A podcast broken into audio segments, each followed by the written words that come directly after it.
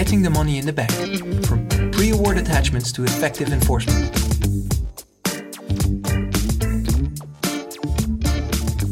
Winning a case and taking recourse, in fact, may be two different things. In this podcast episode, we discuss how conservatory measures in the Netherlands may assist in the swift resolution of disputes and in the effective enforcement of court and arbitral awards. The Netherlands is considered a creditor friendly jurisdiction. Under Dutch law, it's fairly easy to obtain leave to levy a prejudgment attachment against a debtor's assets. Levying such prejudgment attachment at an early stage serves to get the creditor's attention. Should this not result in a swift resolution of the dispute, the attachment safeguards the taking of recourse against a debtor's attached assets post award. A prejudgment attachment requires leave from the court. This is also true where proceedings on the merits are to be brought in arbitration. The interim relief judge will, in principle, decide an application for prejudgment attachment on an ex parte basis, so the asserted debtor will not be heard by the interim relief judge.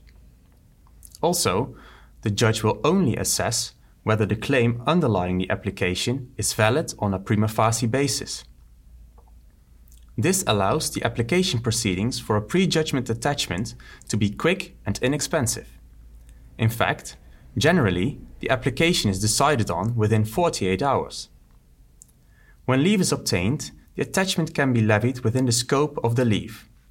This may, for example, include movable assets, immovable assets, shares held in a Dutch company, but also receivables from the debtor against third parties domiciled in the Netherlands such as banks.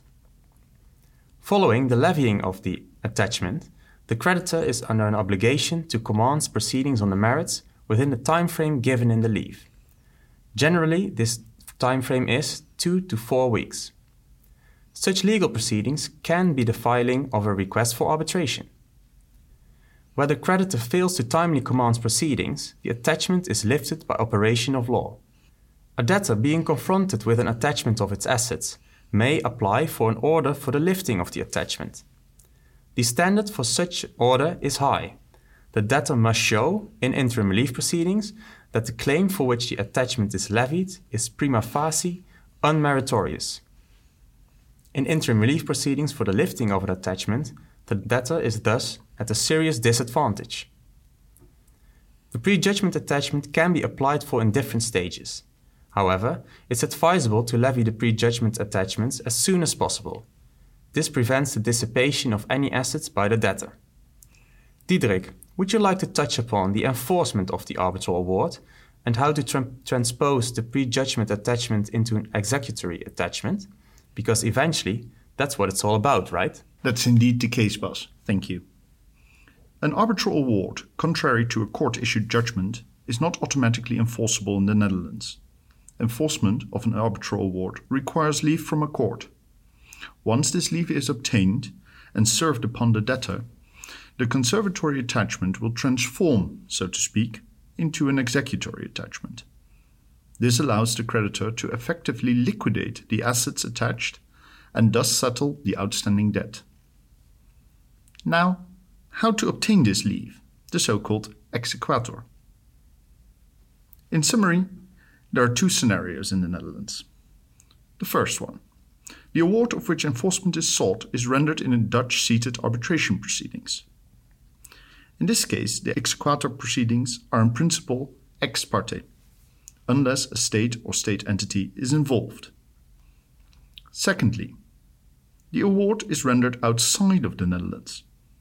In that case, a party may choose to request leave for enforcement on the basis of the New York Convention or under Article 1076 of the Dutch Arbitration Act, whatever is more favorable. Generally, both grounds are invoked on a primary alternative basis.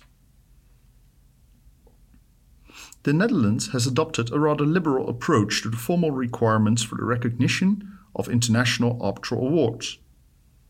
As of such, exequatur proceedings are easily accessible, and Dutch courts do not put too much emphasis on formal obligations, in particularly the translation obligations.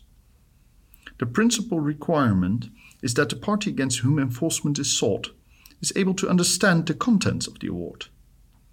In particular, when awards have been issued in English, French, or German, Dutch courts have waived the translation requirement.